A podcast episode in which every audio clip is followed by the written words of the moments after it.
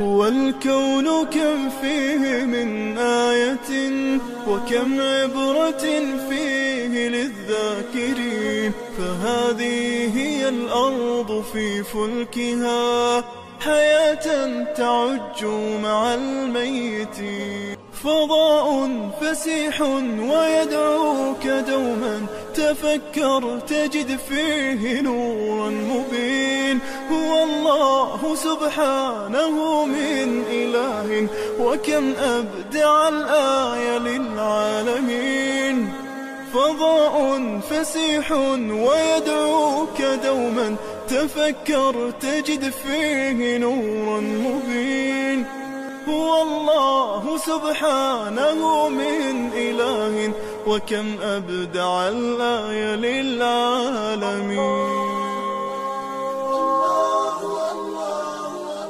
بسم الله الرحمن الرحيم الحمد لله رب العالمين والصلاة والسلام على رسول الله صلى الله عليه وسلم أما بعد السلام عليكم ورحمة الله وبركاته daawadyaal ku soo dhawaada mar kale iyo barnaamijkeennii taxanaha ahaa oo idiin soo gudbinaysay jaamacatu saadicuuna bilxaq. Barnaamijkeenna oo mowduuciisu yahay daalikum allaahu rabbi. Caawa waxaa marti inoogu ah ustaad muuse afrax guure ustaad ku soo dhawahay barnaamijkeenan daalikum allaahu rabbi waa barnaamij aan rabno inaan ku soo gudbino macrifada allah subxaanahu watacaala ama barashada alle iyo majaalaadka laga baran karo. Majaalaadka alle laga baran karo subxaana watacaala aad ayay u fara badan yihiin oo bini aadamka oo dhan kownkan uu ku nool yahay naftiisa. Dhinac walba hadduu fiiriyo waa macrifo alle. Waa meesha ay ka yidhaahdaan wa fii kulli shayin aayatun tadullu calaa annahu waaxid. Shay kasta waa aayad ku tusinaysa kelinimada alle iyo subxaana watacaala cadamadiisa haddaba mowduucanan waxaan rabaa inaan si gooni isu dul taagno oo ugu horeynna aan ku weydiiyo sideen allah subxaanahu watacaala nafteenna iyo nolosheenna uga baran karnaa. Kusoo dhowo dhawahay bismi illaahi araxmaan araxiim alxamdu lilah wasalaatu wasalaamu calaa rasuuli illaahi wacalaa aalihi wasaxbihi ajmaciin. Runtii doctore yaxya waxaad weydiisay su'aal aada u weyn. Runtii la dhihi karo waa asaaska jiritaankan kownkan maaragta ilaahay macrifadiisa habkuu u socdo iyo nidaamkiisa oo dhan maaragta khaasatan markaad fiiriso noolaha waxaa kaaga muuqanaysa ilaahay macrifadiisa. Tan kale insaanka gaar ahaan markaad fiiriso isaga dhan iyo waxa ku hareereysan waa aayad tudullu calaa macrifati illaah saa darteed ilaahay subxaanahu watacaala wuxuu leeyahy sanuriihim aayaatina fi laafaaqi wa fii anfusihim xataa yatabayana lahum annahu lxaq marka saa darteed meel kastood u dhaqaaqdo ilaahay baad ka arkaysaa aaya min aayaati illah gaar ahaan insaanka habku u noolyahay uu kula macaamilay noolaha kale siduu ilaahay u irsaaqayo markuu abuuri ka bacdi runtii ilaahay wuxuu u sameeyey insaanka qaacido uu ku socdo uusan ka bixi karin. Maxaa yeele rasuulka caleyhi salaatu wasalaam wuxuu noo sheegay markii insaanka la abuuraya fii badni ummihi in afar shay la qoray. Afartaa shay waxa weeyaan ugu horeyntii risqiga tan labaad waxa weeyaan ajalkiisa. Tan saddexaad waxa weeyaan camalkiisa. Tan afraad shaqiyun aw saciid afartaa shay marka aad fiiriso habnololeedkiisa maalin iyo habeen iyo inta cimrigiisa jiro kama baxo. Ta u horeysa waxa weyaan risqiga risqiga ilaahay subxaana wa tacaala wuu ballan qaaday. Markuu dhashaba qofka bini aadanka uu banaanka yimaado ilaahay wuxuu u ballan qaaday ilaa uu ka dhinto wuxuu cuni lahaa. Runtii taas waa aaya min aayaat illahi ku tusinayso in ilaahay subxaanahu wa tacaala rasaaq yahay dilquwati almatiin laa shaka fiiha. Marka taa waxay ku tusinaysaa marka aada fiiriso yacni ilaahay isagaa qadaray kuna toosiya noolahoo dhan inay maaragtay raadsadaan risqigooda. Alladii qadara fahada. Alla waa kaas. Marka saas darteed waxaa loo sameeyey insaanka gaar ahaan asbaab risqi oo dhan ayaa loo sameeyey. Oo ay ugu horeyso makaninta la makaniyey dhulka uu jooga oo wax walba loogu diyaariyey oo marka aad fiiriso yacni badihii geedihii xayawaanka ilaahay uu siiyey nicmooleydii alladii geelii arigii iyo run ahaantii midda ka sii weyn waxa weeyaan koonkan dhan ayaa marka la rabo insaanka in la irsaaqa ama noolaha loo dhaqaajina waxaa ka mid a yacni dabeeshii qoraxdii cirka wax ku jiro dhan dhulkii yacni maaragtay wax wax kastoo wujuudkan ah ayaa ilaahay awooddiisa uu dhaqaajinaa. Xabad masagaa xabad galeya xabad digira xabad qamadi inuu sameeyo ah intaa loo dhaqaajina. Taa waxay ku tusinaysaa ilaahay awooddiisa xagga rasaaqnimada inuu yahay dulquwati lmatiin xaqiiqatan waana ka muuqataa marka aad fiiriso. Caalamka dhanna markaad fiiriso waxa weyaan ilaahay baa irsaaqada u qaybinaya. Taas waxay ku tusinaysaa cajiska insaanka iyo maskiinnimadiisa iyo daciifnimadiisa iyo baahida uu ilaahay u qabo afar iyo labaatanka saac uusan marnaba ka maarmin maca daalikana uu ku caasinay marka taa waxay ku tusinaysaa hadda markaad fiiriso waaqaca maanta jira xagga risqiga. Ilaahay subxaana wa tacaala qofna waa siinaa qofna waa ka mancaya. Hadda adduunka ilaahay wuxuu ku ibtileeyey cudur wabaa layira cudurkaas waa wuxuu ilaahay sabab u dhigay risqigoodii. Waxay ku leeyiin dhaqaalihii waa abir shaqo male waxba hayno low hadday ilaahay rumayn lahaayeen rasaaqnimadiisa ay og yihiin walwalkaas iyo dhibaatadaas ma ducur yaa ku dhacay waa naxeen waa wareereen. Marka ilaahay rasaaqnimadiisa halkaas ka muuqata maxaa yeelay cudur yar oo virus ah oo aan noolayn oo markuu jirka bani aadamka kabacdi noolaana ayaa ilaahay wuxuu uga dhigay in dhaqaalahoodii dhan uu ku dumo maarata ilaa ay dowladaha qaarkood ay soo sheegeen in khasaaro badan ay gaartay run ahaantii taa marka waxay ku tusinaysaa ilaahay rasaaqnimadiisa waxaa kaloo intaa ka daran waxa khalqi caalamkan jooga. Adduunka marka afar loo qeybiyo saddex waa bad. Baddaas khalqiga ku nool inta uu yahay ilaahay baa irsaaqay anwaac wa ashkaal u irsaaqaya alladii qadara fahada taa runtii wax weyn waa xaqiiqa ku tusinayso ilaahay cadamadiisa. Subxaanaka yaa rabbi ma acdamaka? Ma garad kaasna waa rabbiga runta oo xaqa ah mustaxiq ah in la caabudo oo cibaadada runta ah loo qadimo keyrkiisna aan la caabudin. Marka taa waxayna tusinaysaa ilaahay rasaaqnimadiisa oo fii kulli majaani alxayaat oo dhan maarad irsaaqadu marka anwaac wa ashkaal weyaan wax kasta oo insaanka haysto waa risqi ilaahay baxsha yacni iimaanku waa risqi cilmigu waa risqi caqligu waa risqi indhuhu waa risqi dhaguhu waa risqi qofaa dhagala qofaa indhala qofaa fadhiya qofaa kaalun calaa gayrihi. Yani maaragtay dhibaato ku qaba. Asna dhibaato lagu qaba asna dhibaato qabaa saas darteed adiga indho ilaahay wuxuu ku siiyey laba indhood. Dhago waa risqi ilaahay uu bixiyo maarata risqiga keliya ma aha midka maadada ah ama quudka ama baadka la cunaa oo sulbiga bani aadamka uu ku maarata istaajinayo.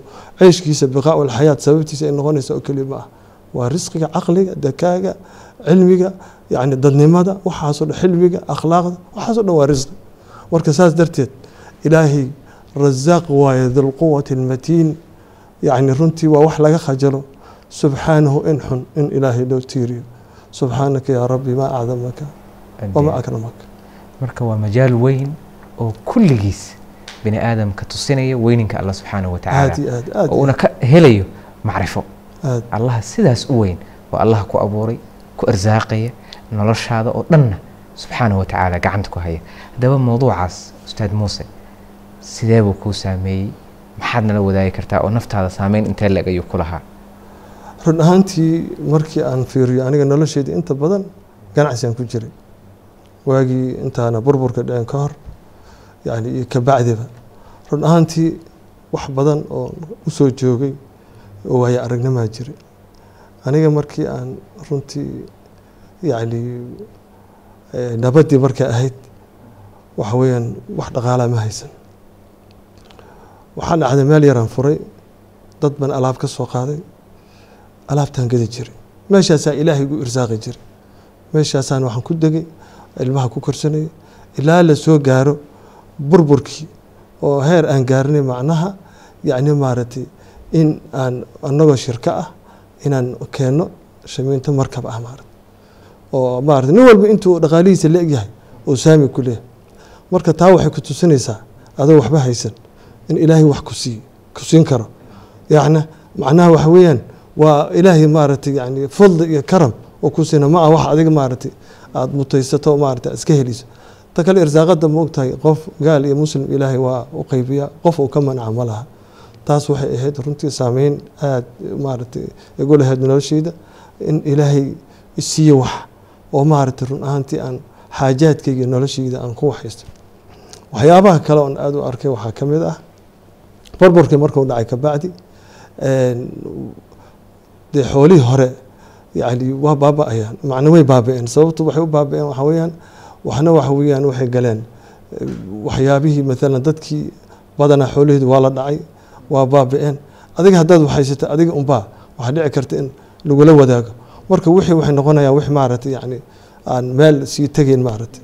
Saa darteed annagoo kooxa waxaan sameynay bakaaran furnay.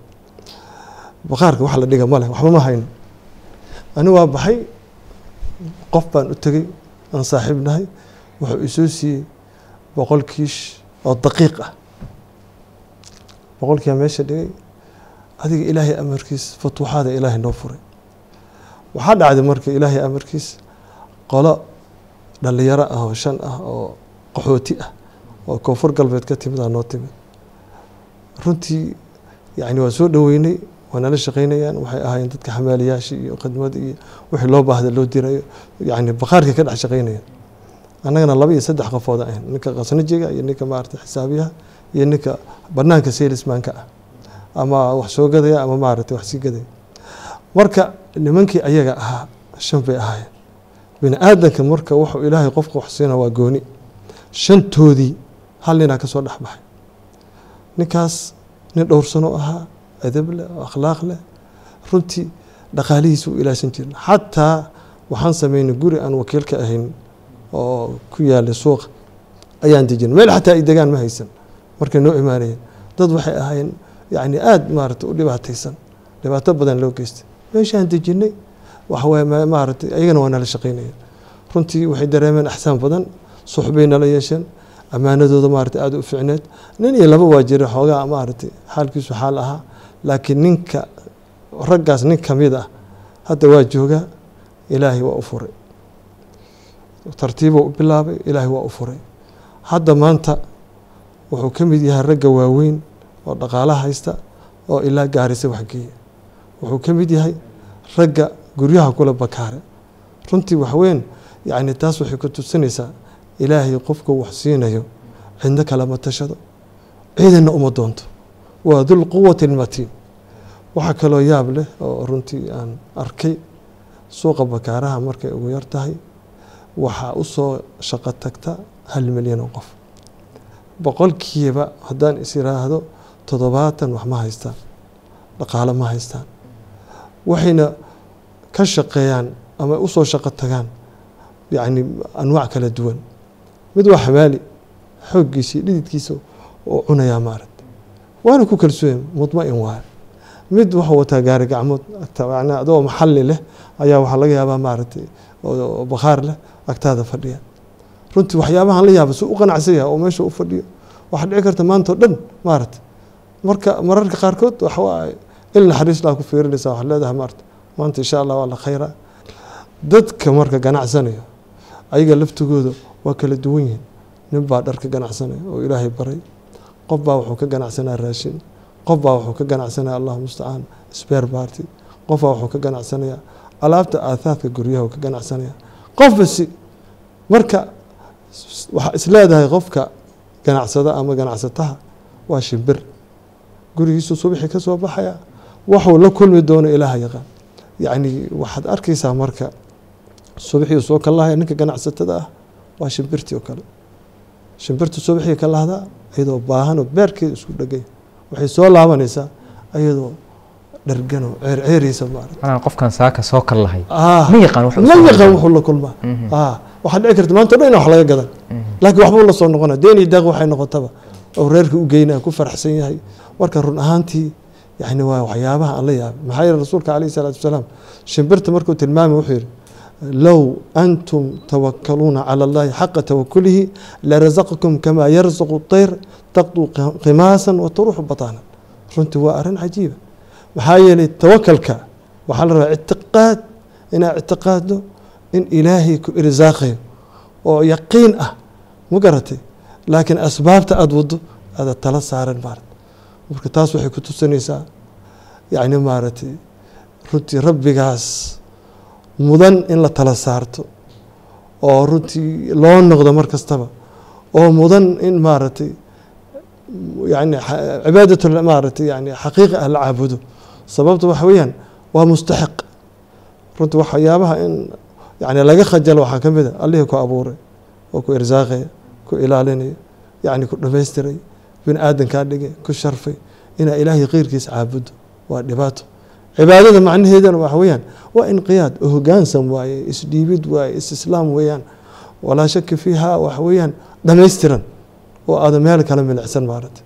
Marka runtii waa waxyaabaha yani maaragtay runtii inta aan soo joogay ganacsiga aada ii ta'hiiriyey waxaa jira macnaha wiil yar oo dhalinyaro ah oo aan runtii galabtii markii aan baxo waa marmaraan logeyn jiray markii aan laamiga tago meesha baabuurta laga raaco ayuu wuxuu ku lahaa macnaha gaari gacmeed yar. Allahuma haddii u badato boqol doolara u saaran.